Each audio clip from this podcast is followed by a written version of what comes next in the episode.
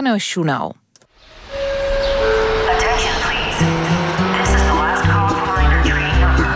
Bureau Buitenland, Nachtexpress. En provenance de Paris-Montparnasse. Presentatie Abdou Bouzerda. Informiamo i viaggiatori che il treno regionale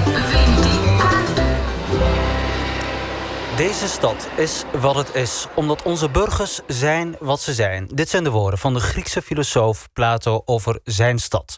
En daarom hebben we de komende twee uren uitgebreid aandacht voor de Atheners. Goedenacht en welkom bij de Bureau Buitenland Nachtexpress. Het VPRO-programma dat in drie maanden tijd twaalf bijzondere haltes mag aandoen. Istanbul, Rabat en Moskou hebben we al gehad. En vannacht zijn we in de stad van de Acropolis, Parthenon en de eerder filosoof Plato gearriveerd. Nou ja, we hebben net genoeg budget om te doen alsof. Gelukkig is onze reisgids Miltiades Kouzouris net uit Athene teruggevlogen. En deze Nederlandse Griekse econoom is netjes op tijd om ons in zijn oude woonplaats rond te leiden. Fijn dat u luistert. Halte 4, Athene. Miltiades, een goede nacht en welkom bij Halte 4 Athene. Jouw oude woonplaats waar je nog regelmatig komt. Sterker nog, eh, ik heb geen woord gejokt, toch? Je bent net teruggevlogen uit Athene. Letterlijk, inderdaad. Letterlijk. Eh, ik ben meteen eh, vanaf Schiphol eh, hierheen gereden. Mhm. En eh, dankjewel voor de uitnodiging. En je bent helemaal uitgerust, nog een dutje gedaan in het vliegtuig? Ehm, niet echt, nee. Het was een ehm, eh, leuke rit. Ik had een, eh, een leuke iemand naast me zitten. We gingen gewoon Dat scheelt. gesprek aan. Dat scheelt. Nou, kijk eens aan. Hey, en ehm, dan vraag ik me af, want eh, voor de luisteraar zal het straks eh, duidelijker worden. Je bent in Nederland geboren, maar je bent niet in Nederland getogen. sterk- eh, in Griekenland, niet in Athene, een andere stad, Thessaloniki. Ehm, en nu woon je weer in Nederland. Voelt Nederland aan als thuis? Als het vliegveld landt op Schiphol, voelt dat dan als thuiskomen? Absoluut, ja. Eh, zowel Nederland als Griekenland. Dat zijn de twee landen waar ik hetzelfde gevoel krijg. Als het vliegtuig landt, dan denk ik, nou, thuis. Ja. Lekker thuis. En als je moet kiezen met het mes op de keel, wat is meer thuis? je mag eerlijk zijn. Ja, dan zou ik eh, wellicht voor Griekenland eh, Toch wel, kiezen. hè? Ja. Ja, hey, en ehm, je woont sinds korte tijd eh, in Nederland. Ik moet je maar even vragen, hoe lang woon je nu alweer in Nederland? Mm, twee jaar en Twee drie maanden. Oké. En mis je ehm, opstaan in Griekenland en de Griekse zon eh, de- en, en het Griekse leven en het geheel? Nou ja, ik mis het niet omdat ik het eh, regelmatig weer meemaak. Oké. Want ik reis regelmatig voor Ja. mijn werk eh, naartoe. Ik heb daar nog een bedrijf ehm, zitten die nog op volle toeren draait. Dus ik ben daar zeker eens in de drie maanden, Ja. al dan niet vaker. Mhm. Maar ehm, ik heb het hier ook prima naar mijn zin. Nou, dat is fijn om te horen. En goed dat je regelmatig teruggaat naar Athene, want jij moet ons helemaal bijpraten. We gaan eh, de komende twee uur lang praten over deze bijzondere stad. Haar mooie, trotse verleden, uiteraard. De economische crisis waar de stad onder zucht. En over jouw Miltiades. Eh, maar we gaan eerst naar muziek. En eh, we beginnen met het nummer van Stin. I Can't Stop Thinking About You.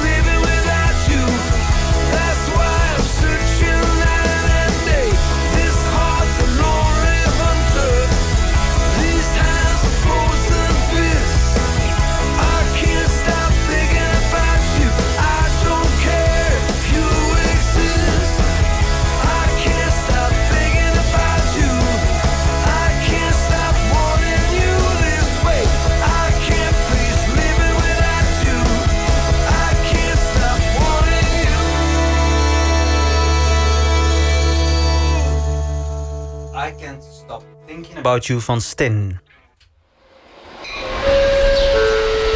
Bureau Buitenland Nachtexpress met Abdou Bouzerda. En we zijn met onze reisgids Miltiades Kouzouris in de Griekse hoofdstad Athene gearriveerd. Onze vierde halte alweer. Miltiades, we hebben veel te bespreken. Je bent Grieks en een econoom, dus we gaan het de komende twee uren het zeker hebben over. Griekenland en de economie. Griekenland en de economie, ja, in één adem. Ja, je bent eh, de afgelopen jaren regelmatig eh, in verschillende nieuws- en achtergrondprogramma's te gast geweest om over, daarover te spreken. Ehm, ik kan me ook voorstellen dat je op een gegeven moment denkt van nou, weet je, eh, dat de vermoeidheid ook bij jou toe gaat slaan. Over het eh, mogen vertellen van allerlei zaken. Ja, Ik vind het een privilege als ik eh, eh, zo af en toe kan vertellen... vanuit mijn optiek altijd uiteraard... Ja. eh, wat ik eh, allemaal zie eh, Mhm. om mij heen. En bijvoorbeeld in Athene, hoe de mensen het hebben. Zeker in een land wat al jaren onder de crisis ja. leeft. En, ehm, Dus ik hoef me straks niet opgelaten als ik weer die vragen over de Griekse economie ga stellen. Mhm. Nou, goed om te weten. Ehm, ik zei het net al, eh, eerder in het eh, gesprek tussen jou en mij. Je bent in Nederland geboren, maar je bent opgegroeid in Griekenland. Hoe is dat zo gekomen?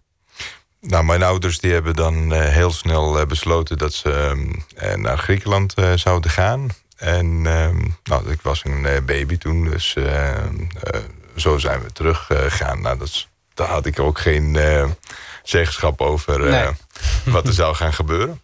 En eh, zo ben ik in Griekenland opgegroeid. Ja. En, eh, ik ben Maar waarom besloten je ouders om terug te gaan naar Griekenland? Want het, blijkbaar waren het migranten uit Griekenland. Mijn, mijn moeder die wilde graag terug naar Griekenland. En ehm, eh, ehm, mijn moeder die, die had dan een goede baan en Mhm. Een, een eh, levendig leven. Sociaal leven. Precies. Ja. En in eh, Nederland, eh, toen ze twee kinderen had, moest ze gewoon thuis blijven. Het regende de hele dag buiten. Het was gewoon niet leuk. Geen Nee. familie om, om haar heen. Nee. En nou ja, dat, dat was denk ik de doorslaggevende Ja. En je vader factor. die ging haar maar achterna. Die dacht van, oh, als zij gelukkig is, dan ben ik ook gelukkig. Dan ga ik gewoon inderdaad voor het geluk van mijn familie kiezen. Ja. En waar was dat precies in Griekenland waar je opgroeide? Thessaloniki heet dat. Dat is de tweede stad eh, in eh, Griekenland, Ja. in het noorden. N- Noordwesten. Eh, Noordcentrum. Ja, Noordoosten moet ik zeggen eigenlijk, ja. ja, Noordoost beetje- of ja, eh, ja, centrum Ja. eh, in het noorden. precies. In ieder geval. En dan ehm, is, de, is het een stad aan zee. Mhm. Dat is een mooi uitzicht eh, ook over het gebergte van Olympus... waar al die goden hebben gezeten. Dan kijk je zo tegenover eh, de stad. En eh, als het gesneeuwd heeft, dan kun je ook zo'n eh, witte top zien. Want ook in Griekenland sneeuwt het. Uiteraard. En je hebt zelfs skicentra. Ja, en je hebt ja. allerlei winterfaciliteiten. ja, precies. Waar heel veel mensen denken van... is dat echt zo in Griekenland? Maar inderdaad, je, Ja. En, en hoe was je jeugd daar? interessant, moet ik zeggen. Ehm, sowieso is, is dit te danken ook aan mijn ouders. Want die waren ook beide internationaal ge- georiënteerd. En mijn vader was een zakenman die ook eh, in eh, meerdere landen eh, zaken deed. Dus ik mocht ook vaak mee. In Griekenland hebben we drie maanden vakantie. Geweldig. dus dat begint in juni. Nog, nog steeds? Of is dat is nog steeds zo, ja, inderdaad. De scholen tot aan het einde middelbare school. Mhm. Dan mag je gewoon vanaf half juni tot eh, 10 september... mag je gewoon thuis zitten. Zo'n jeugd kan niet verkeerd zijn. Precies. Ja, Het is natuurlijk een eh, lastige eh, situatie voor ouders... die dan bijvoorbeeld geen opvangmogelijkheden hebben. ja. Maar eh, in ieder geval, eh, dat heeft ervoor gezorgd dat wij gewoon... meestal gingen we één maand lang, maand lang eh, ergens toeren... in toenmalig Oostbloklanden of Europa in het algemeen. Mhm. En ehm, ik, eh, op, op latere leeftijd mocht mijn vader ook volgen in andere reizen. Dus eh, we hebben bijvoorbeeld samen Rusland gedaan. Want je vader was een zakenman. Precies. En Die- waar die handelde handelde- hij dan in? Hij handelde in agrarische machines. Dus tractoren, meidorsers, eh, ploegen Mm. enzovoort. En die werden eh, verkocht. Kun je overal in de wereld overal, kwijt. Inderdaad. Ja, hey, en ehm, Nederland ligt dan een stuk verderop. En jou was op een gegeven moment wel duidelijk gemaakt... je bent niet in Griekenland geboren, maar in dat verre Nederland. Had je nog een band met Nederland? Behalve dat je wist dan dat je daar geboren was? N- niet echt een hechte band. maar ehm, het was wel genoeg om te denken... nou, ik wil het daar best proberen. Mhm. Dus op een gegeven moment ging ik in, de, in, in Nederland eh, kijken of ik het zou halen... om de taal te leren en een studie te doen. En, en wanneer was dat dan? Dat was in 1997, zo uit mijn En hoofd. hoe oud was je toen? 19. 19. En, dan besluit je om naar Nederland te gaan... alleen maar omdat je daar geboren bent? Of, of speelden nog andere zaken een rol? Nou, ik, ehm, hier eh, leeft ook nog een halfbroer van me. Die, ehm, Ah, kijk. En ehm, die had ik op zich niet echt... we zijn niet samen opgegroeid. Ja, Dus dat was ook een reden om hier naartoe te komen. ja. Eh, Banden, zoals we in het oosten van het land zeggen. Precies. Een relatie met hem opbouwen. Ja, precies. En dan moet je natuurlijk ook Nederlands leren, want je sprak geen. Nederlands. Ja, maar goed, we konden natuurlijk eh, eh, prima in het Engels Ja. met elkaar Oh, oké. eh, communiceren. Maar Nederlands was wel een taal die ik wilde leren. Mhm. En ik had ook tegen mezelf gezegd... als ik de taal niet spreek binnen twee, drie jaar... dan ga ik gewoon weer weg. Ja, dus je hebt een deadline voor jezelf Precies. opgesteld. ja, het was aardig gelukt, gelukkig. Ja, nou, eh, ik vind het wel verschrikkelijk als mensen tegen mij of tegen anderen zeggen... je spreekt goed Nederlands, maar hierbij, je Nederlands is buitengewoon goed. Dankjewel. Ehm, maar hoe ging dat in het begin, dat aarde in Nederland en eh, het, het Nederlands leren? En jij was naar, dat, naar die regen teruggekomen, waar je moeder voor weggevlucht was. Ja. Nou, eh, met het weer zijn we dikke vrienden. Heel goed. Dus dat was geen probleem. Ja. Eh, in het begin, eh, in de- en dan heb ik het echt over de eerste drie maanden... had ik even moeite mee tot het moment dat ik zei tegen mezelf... ja, dit moet je gewoon accepteren als En een wat feit. is dit dan? Het regen. Oh, de regen. Ja, Oké. Dus ik liep, eh, ik liep naar buiten, het regende spontaan. En eh, Maar, je- maar je was opeens ook een buitenlander. Ik bedoel, je maakte vaak reizen met je vader naar het buitenland. Maar nu moest je echt in een andere, vreemde omgeving gaan leven. Dus je moest ook nieuwe vrienden maken. Want je kon niet elke dag met je broer eh, op stap gaan. Tenminste, ik weet niet. Misschien precies, dat nee, het, wel. was, Maar het was inderdaad niet zo eh, Ja. in het begin. Want eh, we waren eigenlijk twee, ja, geen dikke vrienden in ieder Nee, geval nee. in het begin. ja. En ehm, inderdaad, ik heb andere Grieken ook ontmoet die hier woonden toen. En we gingen samen trekken. En je bleef wel met Grieken omgaan. In het begin wel. Ik eh, zocht ook altijd ehm, eh, mensen uit Nederland, Nederlands mensen. Zeker eh, toen ik ehm, begon deeltijd te werken, bijvoorbeeld om een studie te financieren. Of later ook tijdens de studie had ik studiegenoten waarmee ik samen ging. En, ehm, En wat ja, heb je precies gestudeerd in Nederland? Want je kwam om te studeren. Inderdaad, ik heb eerst een eh, opleiding bedrijfseconomie op de ehm, HES, de Hogeschool voor Economische Studies in Amsterdam. Mhm. Eh, Overigens niet afgemaakt. eh. Na een tijdje heb ik besloten om ehm, een ander pad te kiezen. En dat was ehm, communicatie en journalistiek. Mhm. En dan, Journalistiek. Ja, Oh. dus de Hogeschool Utrecht je had net zo goed een collega van mij kunnen gaan worden. bijvoorbeeld. Ja. En ehm, eh, vervolgens ehm, heb ik een eh, master, eh, een MBA gedaan. ja. En dan de focus lag altijd in het berekenen van kosten. En Ah. dat was ook altijd een ehm, issue die mij mijn voorkeur genoot. En waarom Want, was dat? nou, dat had ik van, van mijn vader gekregen. Van, want hij vertelde mij altijd dat als, als de kosten niet kloppen... dan, eh, dan kun je nooit iets succesvols eh, Nee. maken. En het maakt niet uit of je tractors verkoopt of eh, een Precies. hotelketen runt. Kosten zijn belangrijk. Precies. Dus, dat is ook wat je nu tegenwoordig doet. Dat, dat zijn wat de rode lijnen in Ja, jouw carrière. Precies. En ik heb ook... ehm, ehm, ik heb echt heel veel gelezen over kosten. Ik heb Ja. heel veel ehm, eh, productieomgevingen gezien... in meerdere sectoren enzovoort. Want leg de luisteraar eh, in het kort uit wat je nu doet. Eh, je reist over de hele wereld. Eh, voor de uitzending zat je mij enthousiast uit te leggen... dat je nu met een project in Saudi-Arabië bezig bent. Je dineert met ministers. Je ontmoet echt de captains of industry. Kortom, heel spannend en heel leuk allemaal. Maar je moet me even, ook voor mij even uitleggen wat je precies doet. Oké.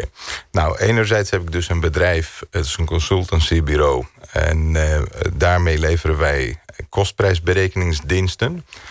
Eh, simpel gezegd, een fabriek die roept ons eh, en eh, dan gaan we berekenen wat het kost. Hetgeen wat ze maken. Bijvoorbeeld, een, wat kost een pak melk uiteindelijk voor Nou. de fabrikant, zodat ze het met winst vervolgens kunnen gaan verkopen. Dat is wat dat bedrijf doet. En daarnaast heb ik een tweede eh, bedrijf. Dat is een consultancybureau eh, algemeen.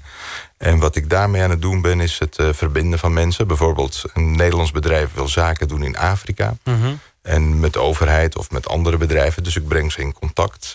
Ik heb een netwerk wereldwijd. En Mhm. dat gebruik ik om dan de mensen zowel in contact te brengen... maar ook inhoudelijk te begeleiden bij het eh, doen van zaken. En dat netwerk is echt gigantisch. Hè? Geef ons een idee. Hoeveel visitekaartjes heb jij eh, in je laadje liggen van afgelopen jaar of het jaar daarvoor? Heb je dat wel eens geteld? Ja, ik heb ehm, bijvoorbeeld in 2016 heb ik eh, 1400 eh, contacten Pardon, geteld. nog een keer? 1400 mensen die ik gesproken heb en nou, waarmee we kort of lang Ja. iets hebben gedaan Ja. samen.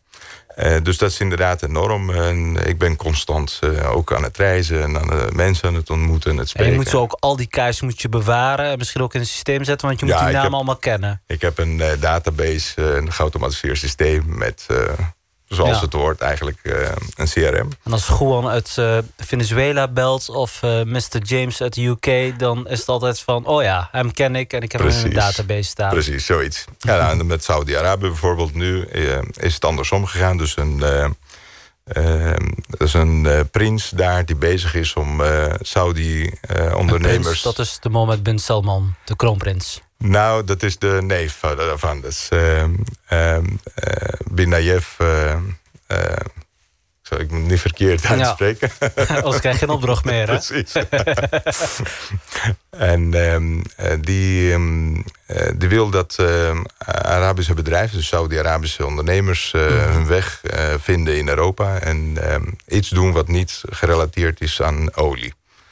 Dat is een uitdaging. Saudi-Arabië. Daar proberen we dus nu ehm, eh, bijvoorbeeld kantoren te vinden, vestigingsplaats. Moet het Amsterdam zijn of Brussel of Parijs of eh, wat is heeft dat geweldige ambitieuze plan te maken van de kroonprins eh, Mohammed bin Salman 2030 visie. Juist, Ja. precies. Daar, werk daar ben ik, jij bij betrokken. Precies, ja. Oké. En dat was ook die prijs die ik uitgereikt kreeg. Want je hebt mij een foto laten zien van een Certificate of Appreciation, geloof Precies. ik. Ja, En eh, zo'n eh, beeldje, zo'n eh, prijs ja.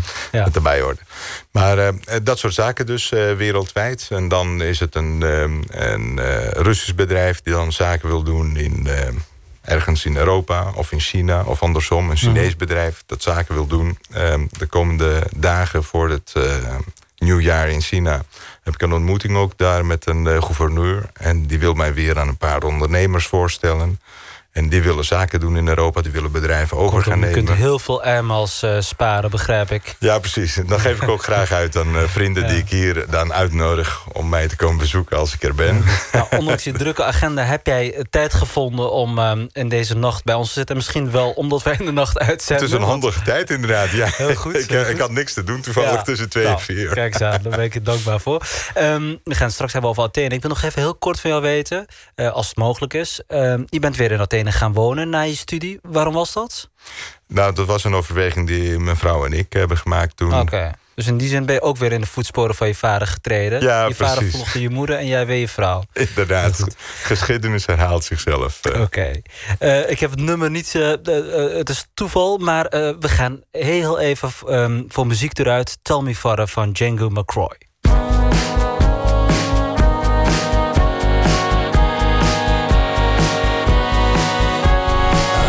Into my father's eyes and I see everything I am reflected in his tired eyes. I see myself. Tell me, Father,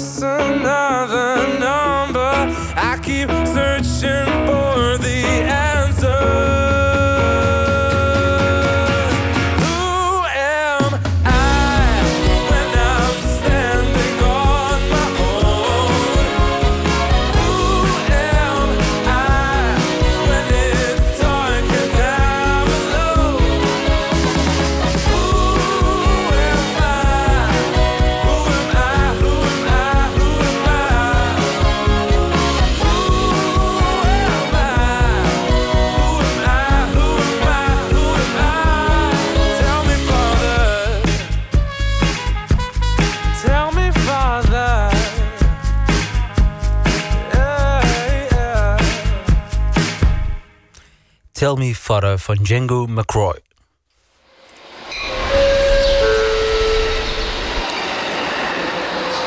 Het duurde tien jaar aan voorbereidingen voordat de Perzische koning Xerxes het, durfde, het aandurfde, moet ik zeggen, om het tegen de oud-Grieken op te nemen. En op een berg in de buurt van Athene zag die koning Xerxes zijn troepen verslagen worden. En laat het toeval zo zijn dat jij, Miltiades, ehm, op die berg gewoond hebt. Ja, precies. Eh, ik had een huis wat aan het eh, rand van het berg eh, dus zat. En dan ehm, kon ik ehm, mooi ook op datzelfde zeestukje kijken waar... Daar waar die Perzische koning zijn vloot verslagen zou worden, zag worden. Inderdaad, ja. Ja. Precies, dat is een historische locatie. Ja. En het hoort echt bij de stad Athene. Het hoort bij de stad Athene. En ehm, dat zegt, ehm, een stad Athene eh, kun je vergelijken met een... eh, het is een bassin, en, eh, omringd door bergen en de zee. Dus eh, drie bergen. ehm, en die vormen dan een rechthoekig ongeveer vorm. En de zee dus aan, de, aan het zuidelijke deel van de stad. Dat is de zeefront, waar onder andere ook Piraeus zit. Dat is een stad wat aan Athene stad geplakt is eh, ja, door de tijd. is. Ja. Juist. En dan, ehm, ehm, ja, dan kijk je zo dat eh, gigantisch cementmonster, zoals ik het noem. Maar ehm, Athene is dus ehm mijns inziens niet een mooie stad in eerste aanzicht. Dus als je kijkt naar al die eh, maak je me nu? grijze gebouwen en dergelijke.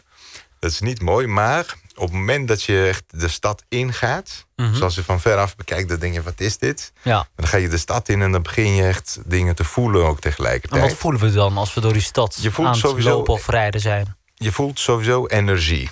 En het is een, ehm, een gevoel van energie wat heel warm is. En ehm, dat komt door de mensen en door, door waarschijnlijk de ritme die de, dat stad heeft. Nou, Het is niet zoals in eh, steden waar ehm, ehm, heel moderne steden bijvoorbeeld. eh, ik, ik noem wat in eh, Dubai bijvoorbeeld. Krijg je dat gevoel helemaal niet. In New York krijg je dat gevoel helemaal niet. ja. Maar in Athene wel.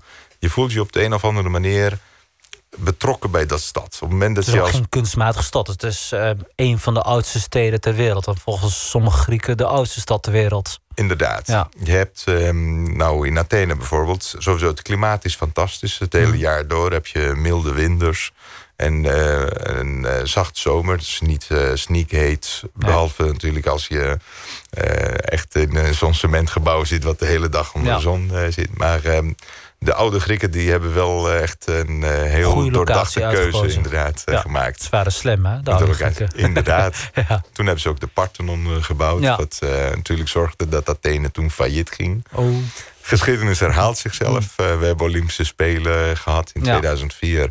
En dat was ook een eh, reden waardoor de staat echt heel veel eh, schulden maakte. ja. Kostentechnisch had jij de oude Grieken niet geadviseerd om die Parthenon eh, te bouwen, begrijp ik. Ja, misschien niet inderdaad. Eh, Maar als er niet, niet zoveel toeristen gehad. eh, dat is ook waar. Dat Ja. is ook waar. Het, is- natuurlijk heel bijzonder dat je in zo'n stad kunt wonen... waar de oudheid continu in de buurt is. We hebben het net over die berg gehad... waar die Perzische koning op zat en naar zijn troepen keek. Ja. Vertel eens wat meer over die stad. Ehm, want je hebt dus een tijd gewoond. En hoe lang heb je er gewoond? Nou, eh, best eh, zeven, zeven jaar, acht jaar. Nou, dat is een termijn om de stad goed te leren kennen. Absoluut. Neem ons mee door ehm, die stad en dan in het bijzonder, want wat ik begrepen heb, is dat die stad als het ware ook uit een soort van eilanden bestaat. Dus verschillende gemeenschappen die in de loop van de geschiedenis naar die stad zijn gekomen, maar ook op diezelfde locatie zijn blijven wonen. Dat, dat moet je mij en de Inderdaad. luisteraar uitleggen. Ja, en met eilanden, omdat Griekenland is eh, bekend om de, om de eilanden... bedoelen we natuurlijk eh, denkbeeldige eilanden. Mhm. Dat zijn inderdaad eh, gemeentes die aan de gemeente Athene eh, va- vastgeknoopt zijn. En eh, je hebt dan ehm, eh, het centrum, de kern van de stad... waar de Parthenon zit, dat is de gemeente Athene. En daar woonden de oude Atheners. Ja. Vervolgens hadden deze oude Atheners hun vakantiewoningen in eh, de noordelijke wijken van Athene, waar destijds een mooi bos eh, zat. En dat was gewoon. Ook waar jouw huis stond, toch? Eh, nee, iets verderop nog Iets verder, naar nog het noorden. ja. En dat, is, dat was destijds ook anderhalf uur rijden naartoe. Mhm. Terwijl nu doe je dat met een snelweg binnen 20 minuten. Mhm. En dat is allemaal ook eh, gewoon eh, dichtgroeit. en je hebt constant stad. Dus je gaat echt niet de stad uit. Nee. Ehm, het centrum dus van Athene. Stel je neemt een metro en dan eh, klim je omhoog bij die trap. En dan eh, stap je uit bij het st- station Monastiraki. En Monastiraki betekent klein klooster. En ehm, eh, dat is echt een heel mooi plein waar je op uitkomt. Mhm. Je kijkt direct naar de Parthenon. En je hebt ook een oud moskee daar... die tijdens het Ottomaanse Rijk werd gebouwd. En dat is nu allemaal gerestaureerd. Dus als je om je heen kijkt, dan zie je meerdere facetten van dat stad. Dan zie je de oud-Grieks gedeelte. Er zit een tussenpoos geschiedenis. En als je links omdraait, dan zie je nog een Byzantijns kerkje. Dus je hebt echt eh, gedeeltes van de geschiedenis om je heen, direct. Er zit ook een, ehm, een, eh, soort luik in het midden van dat plein. En als je naar beneden kijkt, dan zie je een rivier stromen. En dat is een, gewoon een oude rivier wat nog steeds ondergronds Doorstroom. doorstroomt. Je ziet ook dat eh, aan de oevers van dat rivier oude Griekse rotsen, stenen zijn, eh, eh, nog steeds eh, zitten. Dat is gewoon een oudheids- en monument. maar weinig mensen kennen dat. Dus dat is ook een tip naar de luisteraars om naar, naar te gaan zoeken. Dat is dus dat ene wijk. Vervolgens ga je lopen, dan heb je de Plakka. Dat is de, het gedeelte waar leuke restaurants zitten. En dan lopen toeristen rond en die kopen leuke Griekse spullen. Maar ehm, eh, je ruikt ook de hele tijd eh, eh, het Eten. eten. wat daar voorbereid wordt. En dat, Dat is wel een, een dinnetje in Griekenland, hè, eten. precies. Bedoel, Alle mensen op de hele wereld moeten eten, maar Grieken moeten ook echt eten. En dat absoluut. Is, dat En is we bijna een, ritueel. En daar hebben we het niet over één gerecht. Maar als je gaat zitten, dan ga je echt een soort tapas Ja. eet eh, krijgen. Dus dan krijg je een variëteit van verschillende soorten meze. Zo noemen we dat. Mezeres. Ja. En dan, ehm, als je dus uitgegeten hebt, dan eh, wordt het tijd om ehm, een wat moderner deel van de stad te gaan bezoeken. En dat is bij het Syntagma, waar het Mhm. parlement zit. En dat doet al ehm, wat eh, killer aan. Dus er is ni- niets waaroms daaraan grote gebouwen. Je weet dat daar de overheid zit. En, Daar zit ook meneer Tsipras. Precies, inderdaad. En daarnaast heb je een eh, parel van de stad.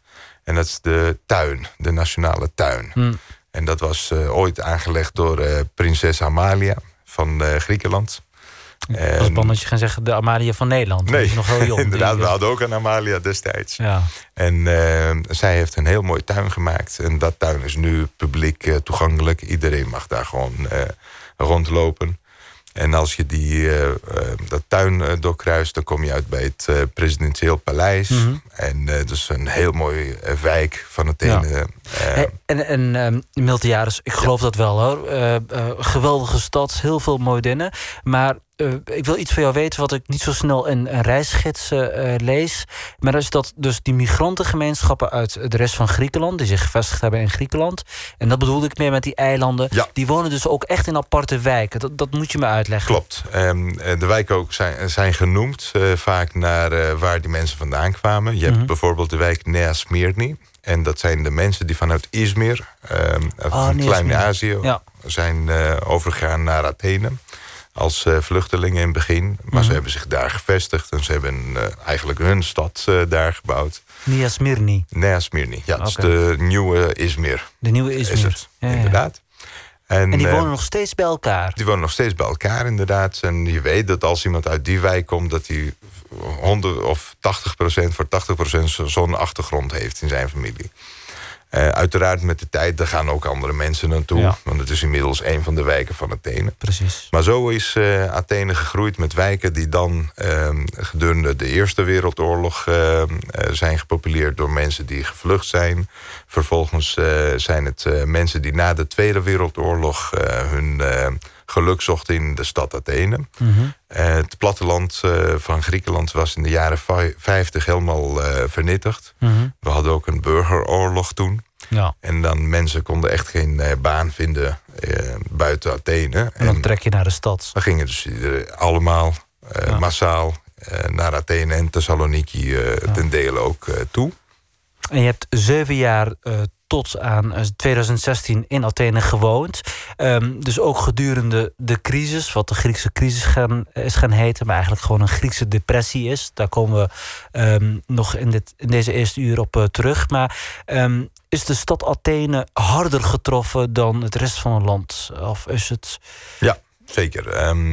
Ehm, Griekenland ehm, is natuurlijk bekend om eh, de toerisme. Mhm. Het toerisme zit in, eh, op de eilanden. Ja, Niet in de stad Athene eh, ook natuurlijk wel. Maar de stad Athene is zo groot dat niet alleen door toerisme gevoed kan worden.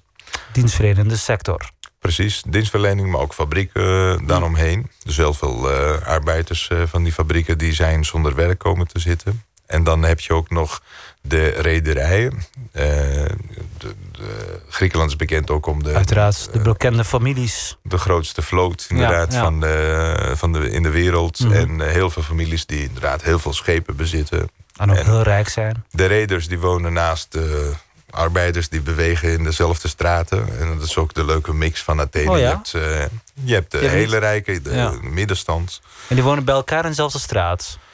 Vaak wel. Je hebt eh reders die dan eh, uit eh, traditie kiezen om in Piraeus te blijven wonen. En niet daarbuiten. Mhm. Maar ehm, even om ehm, eh, op, op de crisis een beetje terug te komen. Die mensen zijn dus zonder werk komen te zitten. En toerisme is niet voldoende om, om voor ze te zorgen, voor een inkomen te zorgen. En eh, er- we hebben ook geen eh, eh, werkloosheidsuitkeringen. Kun je wel voor drie maanden eh 300 euro krijgen in de maand. Mhm. Maar dan kun je uiteraard geen familie mee voeden. Athene is een heel duur stad. En dan ehm, daarom ehm, zijn de meeste mensen in Athene het hardst getroffen vergeleken met de rest van Griekenland. Maar ook in steden in het noorden bijvoorbeeld van het land, waar ook helemaal niks te doen is. Nog in de Mm. agrarische sector, nog in de toerisme. Helemaal niks. Athene heeft nog steeds uiteraard eh, heel veel ministeries en dergelijke, waardoor ambtenaren nog wel kunnen Altijd een leven. ambtenarenstad. Precies. Wij gaan eh, na de muziek eh, doorpraten over de Griekse depressie. We gaan nu luisteren naar Mixed Emotions van de Rolling Stones.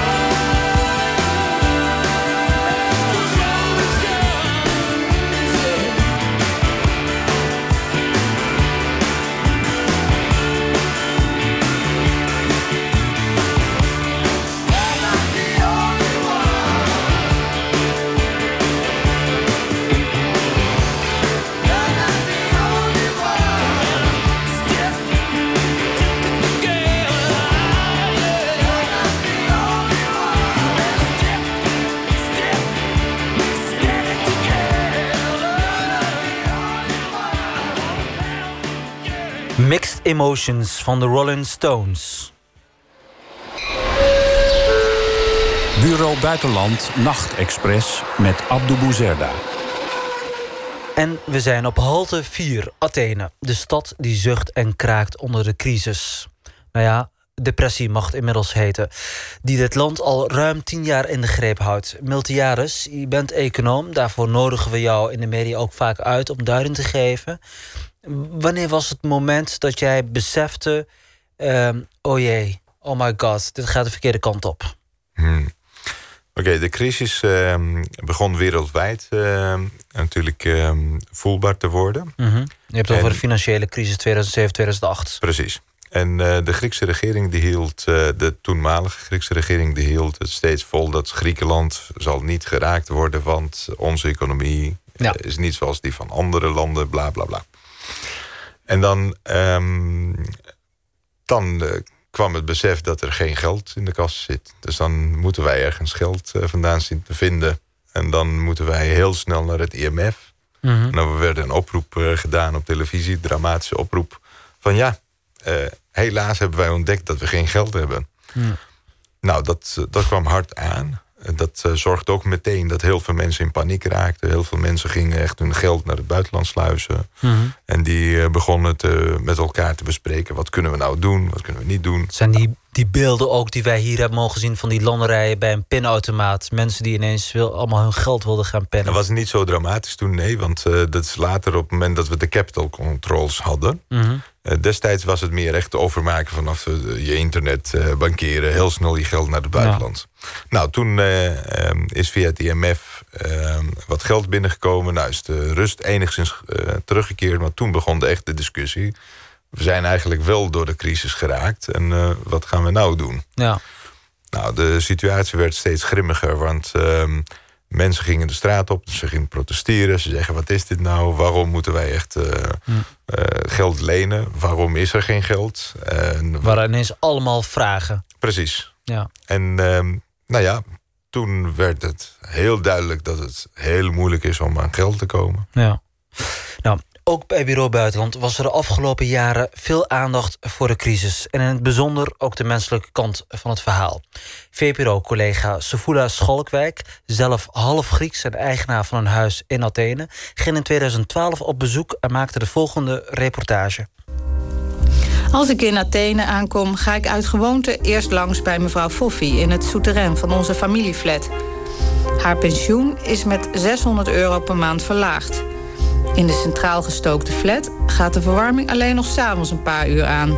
Zo heeft een meerderheid van de bewoners besloten. Want petroleum is veel te duur geworden.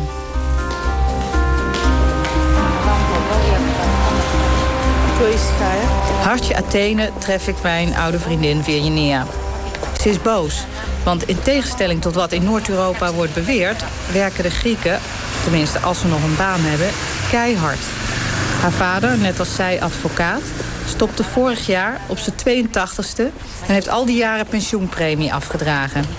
Nu levert hij honderden euro's per maand van zijn zelfgespaarde centen in... en er is geen AOW in Griekenland. Έχουν κλείσει όλα αυτά, δεν ξέρω τι θα τα κάνουν. Κοίταξε κάτι, κάποτε λέγανε ότι υπάρχει ένα σχέδιο να υποτιμήσουν τα νεοκλασικά της Αθήνας για να τα πάρουν πολύ φτηνά. Να, το κατάφερα. Ja, er zijn hier een aantal eh, neoclassieke gebouwen die helemaal eh, verwaarloosd, verloederd zijn, eh, leegstaan. Zoals eh, de oude Zara. Van die modeketen, weet je wel, die we ook in Nederland hebben. En daarbuiten slapen daklozen onder eh, dozen. Er zijn ook bedelaars. Een man gooit een jas naar een bedelaar. Ορίστε. Πέταξε ζακέτα. Η ομόνια, έτσι. Εδώ είναι η είναι προς την Κουμουνδούρου, προς την Πειραιώς. Ε, εγώ δεν πάω, γιατί μου επιτέθηκαν εκεί πέρα και δεν πάω πια. Και κυρίως ναρκωμανείς. Eh, s'avonds waagt uh, Virginia zich hier niet meer. Terwijl het vroeger toch echt een mooi zakencentrum was. En in de straten achter het Omoniaplein komt ze zelfs overdag niet meer. Want daar is een keer op klaarlichte dag overvallen. Het is in Benny. Een eindje verderop, voor het ministerie van Binnenlandse Zaken... zien we een protest van leraren, ouders en kinderen. Het zijn scholen in het bijzonder onderwijs... die telkens als ze weer is wegbezuinigd de straat op gaan. Eh, είμαστε από το Μουσικό Σχολείο Ηλίου και από άλλα μουσικά και από το καλλιτεχνικό. Έχουν έρθει αντιπροσωπείες για να ζητήσουμε πούλμαν. Δεν γίνεται. Dit zijn allemaal muziekscholen. Uh, er wordt bezuinigd en ze hebben geen uh, vervoer naar hun school. En daar uh, balen ze van. Hij zegt dat als ze geen bus hebben, dan kunnen ze niet naar die school. En dan moet die school ook opgeheven worden.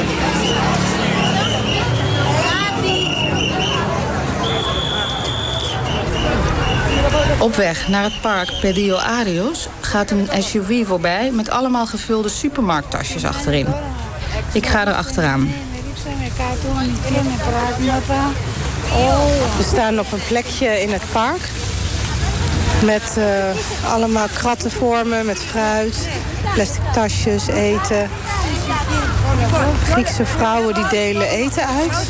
En uh, daar staan zo'n uh, 50 mensen te wachten in de rij keurig om uh, iets mee te kunnen nemen. En het gebeurt op een afgelegen plek. De hulpverleners zijn allemaal keurige particuliere middenklasse Grieken... die zich kennelijk geroepen voelen om maaltijden te koken en eten in te zamelen. Ik vind het allemaal erg deprimerend. De bedelaars met kleine kinderen, de illegale en de bedrukte stemming. Vooral de ingetogen gelatenheid ben ik van de altijd zo uitgelaten Grieken niet gewend. Ze kunnen toch niks doen. Ze hebben hun lot niet in de hand en ze krijgen steeds iets nieuws opgelegd. Het houdt niet op. Het ergste is de onzekerheid. Behalve voor de rijken, die merken er niet zoveel.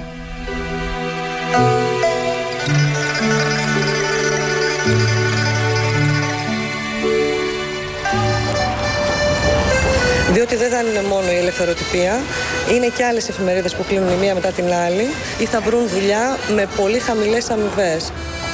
Mijn vriendin Dina werkte bij de kwaliteitskrant Eleftherotypia... die de crisis niet heeft overleefd. Ik zit met haar op een terras. Haar man werkt bij de publieke omroep. Hij krijgt 900 euro minder per maand. Met zijn salaris kunnen ze net de hypotheek en de boodschappen betalen.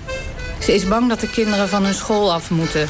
Ze heeft al maanden geen bijdrage meer betaald. Ή θα βρουν δουλειά με πολύ χαμηλές αμοιβέ. Οι περισσότεροι από εμά θα anagasun να αλλάξουν επάγγελμα. Veel journalisten hebben problemen nu omdat uh, meerdere kranten sluiten. En um, ze weet niet uh, waar ze hierna werk kan vinden. En als ze werk zal vinden, zal het in ieder geval uh, slechter betaald zijn. Σκοτεινό. Το μέλλον είναι πάρα πολύ δύσκολο και η επαγγελματική αποκατάσταση με κάποιον αξιοπρεπή μισθό θα είναι εξαιρετικό δύσκολο, εξαιρετικά δύσκολο να το καταφέρω. Vorig jaar kon ze ergens voor 2000 euro terecht. Maar nu is het al zo dat hetzelfde bedrijf haar voor 400 euro wil inhuren. Heel veel journalisten eindigen op persbureaus met een heel laag salarisje. Ε, από τα απολύτως αναγκαία που είναι τα πράγματα που θα αγοράσεις από το σούπερ μάρκετ, τα είδη διατροφής, μέχρι ακόμα και τη δεθέρμανση του σπιτιού, την οποία τη χρησιμοποιείς με φιδωλό τρόπο. Ze bezuinigt overal op. Boodschappen koopt ze alleen als ze ze echt nodig heeft. Het is uh, ja, beknibbelen.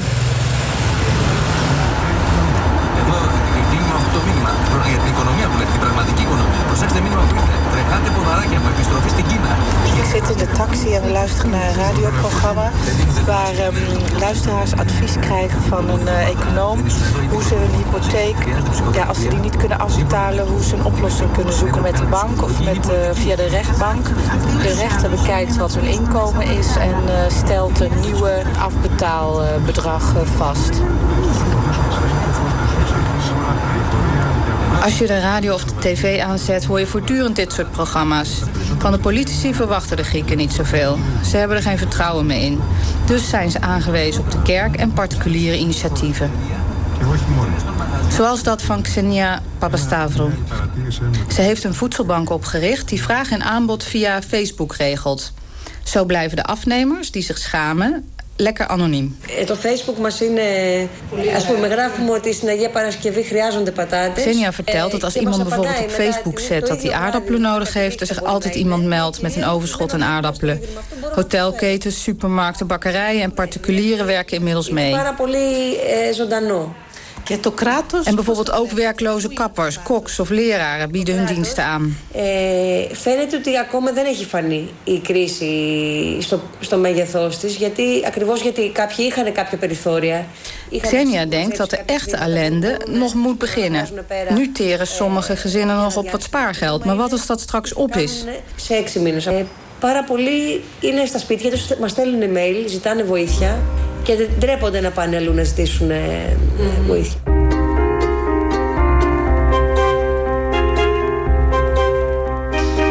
Ik ga echt diep onder de indruk weg. Ik heb altijd wel geweten dat Grieken hun familie en naaste vrienden ver gaan steunen als het erop aankomt. Maar voor het eerst zie ik zo'n grootschalige, goed georganiseerde hulp van de middenklasse aan mensen die ze niet kennen. Komend half jaar zullen nog eens meer dan 100.000 mensen hun baan verliezen. En na acht maanden minimale WW is er geen bijstand waar je op terug kunt vallen. Dus dit soort particuliere initiatieven worden steeds belangrijker.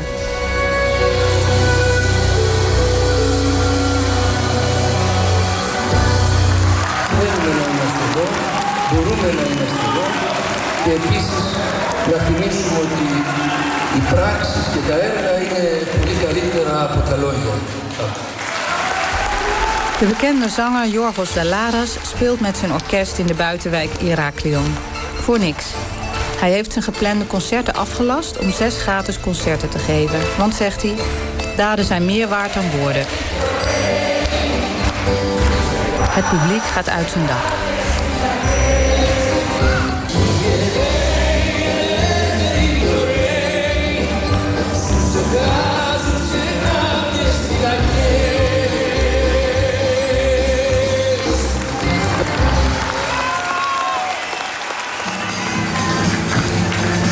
Het is echt een fijne, relaxte supermarkt. Ik, heb hier, ik ben hier soms wel helemaal alleen. Ik zal even helpen. Ik ook iets doen. Dit is mijn vriendin Fotini. Ze woont met man en kinderen in de buitenwijk Maroussi. We doen boodschappen met haar dochtertje Dimitra. Sommige winkeliers hebben vanwege de crisis hun prijzen iets verlaagd, maar deze niet. Blijkt al meteen bij een wit casinobrood. Het is ook belachelijk, want hier in Griekenland heb je, je hebt sommiatos. Brood wat je in Nederland gewoon brood, gesneden brood, wordt hier brood voor tost genoemd. En kost 2,50. Terwijl dat in Nederland uh, 1 euro, 1 euro of zo. zo kost ja. het. ja. Luiers, hoeveel kost een luiers in Nederland? Pampers, heb, je, heb je dat hier? Ja, hier peppers. Hier. Dit is 13 euro hier, is bij ons 10 euro normaal. En dan koop je hem altijd in een aanbieding voor 8 euro. Echt waar? Ja. Weer even. Dus ook nu de laatste tijd hoor je, is er een hele grote actie van uh, koop Griekse producten. Koop producten die door Griekse bedrijven zijn gemaakt. Maar de Griekse producten zijn helaas vaak veel duurder dan de geïmporteerde. De politiek nu praat allemaal over ontwikkelingen, de toekomst van Griekenland. Dat Ja. we moeten opbouwen. Waar zie jij die toekomst? Wat ze hier kunnen opbouwen om Ja. een toekomst te bieden. Dan lees ik de laatste dagen veel op internet. Dat ze willen zien of, of in Griekenland ergens eh, olie eh, kunnen... Ja. Maar dat is zo'n mythe die ik al jaren hoor hier. En ik heb echt zoiets van, als er olie was in Griekenland... dat hadden we dat toch al lang gevonden. Ja. Ik heb het idee dat ze dat een beetje eh, zo doen om mensen ja, te laten hoop te hopen... dat, dat, we, dat we denken dat we hier olie of weet ik veel wat eh, hebben in de grond. Ik geloof daar niks van. Een reportage van Sefula Schalkwijk vanuit de Griekse hoofdstad Athene. En dat was in 2012. Sindsdien is het niet veel beter geworden voor de gewone Grieken. Miltiades. Ehm, we horen in die reportage dat de middenklasse ehm, hulp moet organiseren voor arme mensen. Ehm, jij behoorde tot die middenklasse in Griekenland. Betekende dat ook dat vrienden, familie bij jou moesten aankloppen? Ja, zeker. eh, dat gebeurde. En dat gebeurt nog steeds eh, trouwens. Hm. Ehm, ik heb bijvoorbeeld eh, neven en nichtjes... die eh, dan ehm, eh, tussen 18 en eh 30 jaar oud zijn. En die hebben geen baan. Die moeten het hebben van een pensioen bijvoorbeeld van hun ouders... of een, een mager salaris van een ouder die dan toevallig nog werkt. Kinderen blijven ook altijd veel langer bij de ouders wonen. Omdat ze simpelweg geen eigen inkomen hebben. Dus ook geen eigen huis.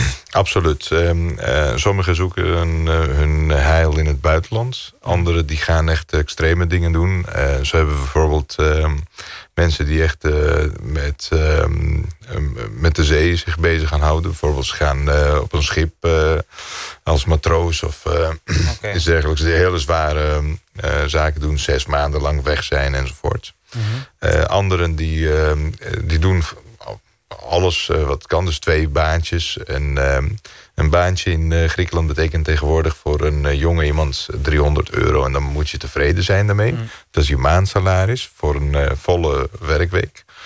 En um, voor ervaren mensen, als je 800 euro in de maand krijgt... dan moet je echt uh, blij mee zijn. Maar echt koning. Ja, ja absoluut. Ongelooflijk, heel bizar.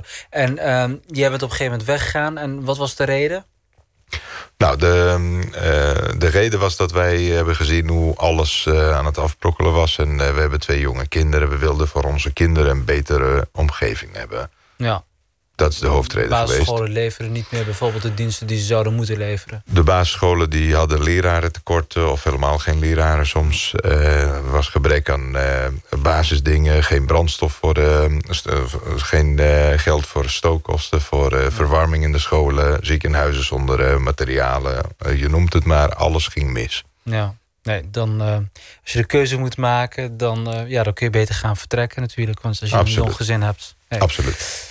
Nou, we praten na drie uur, na het nieuws, praten we verder over je werk en over Athene. Um, ook is er aandacht voor de opkomst van extreem rechts in Griekenland.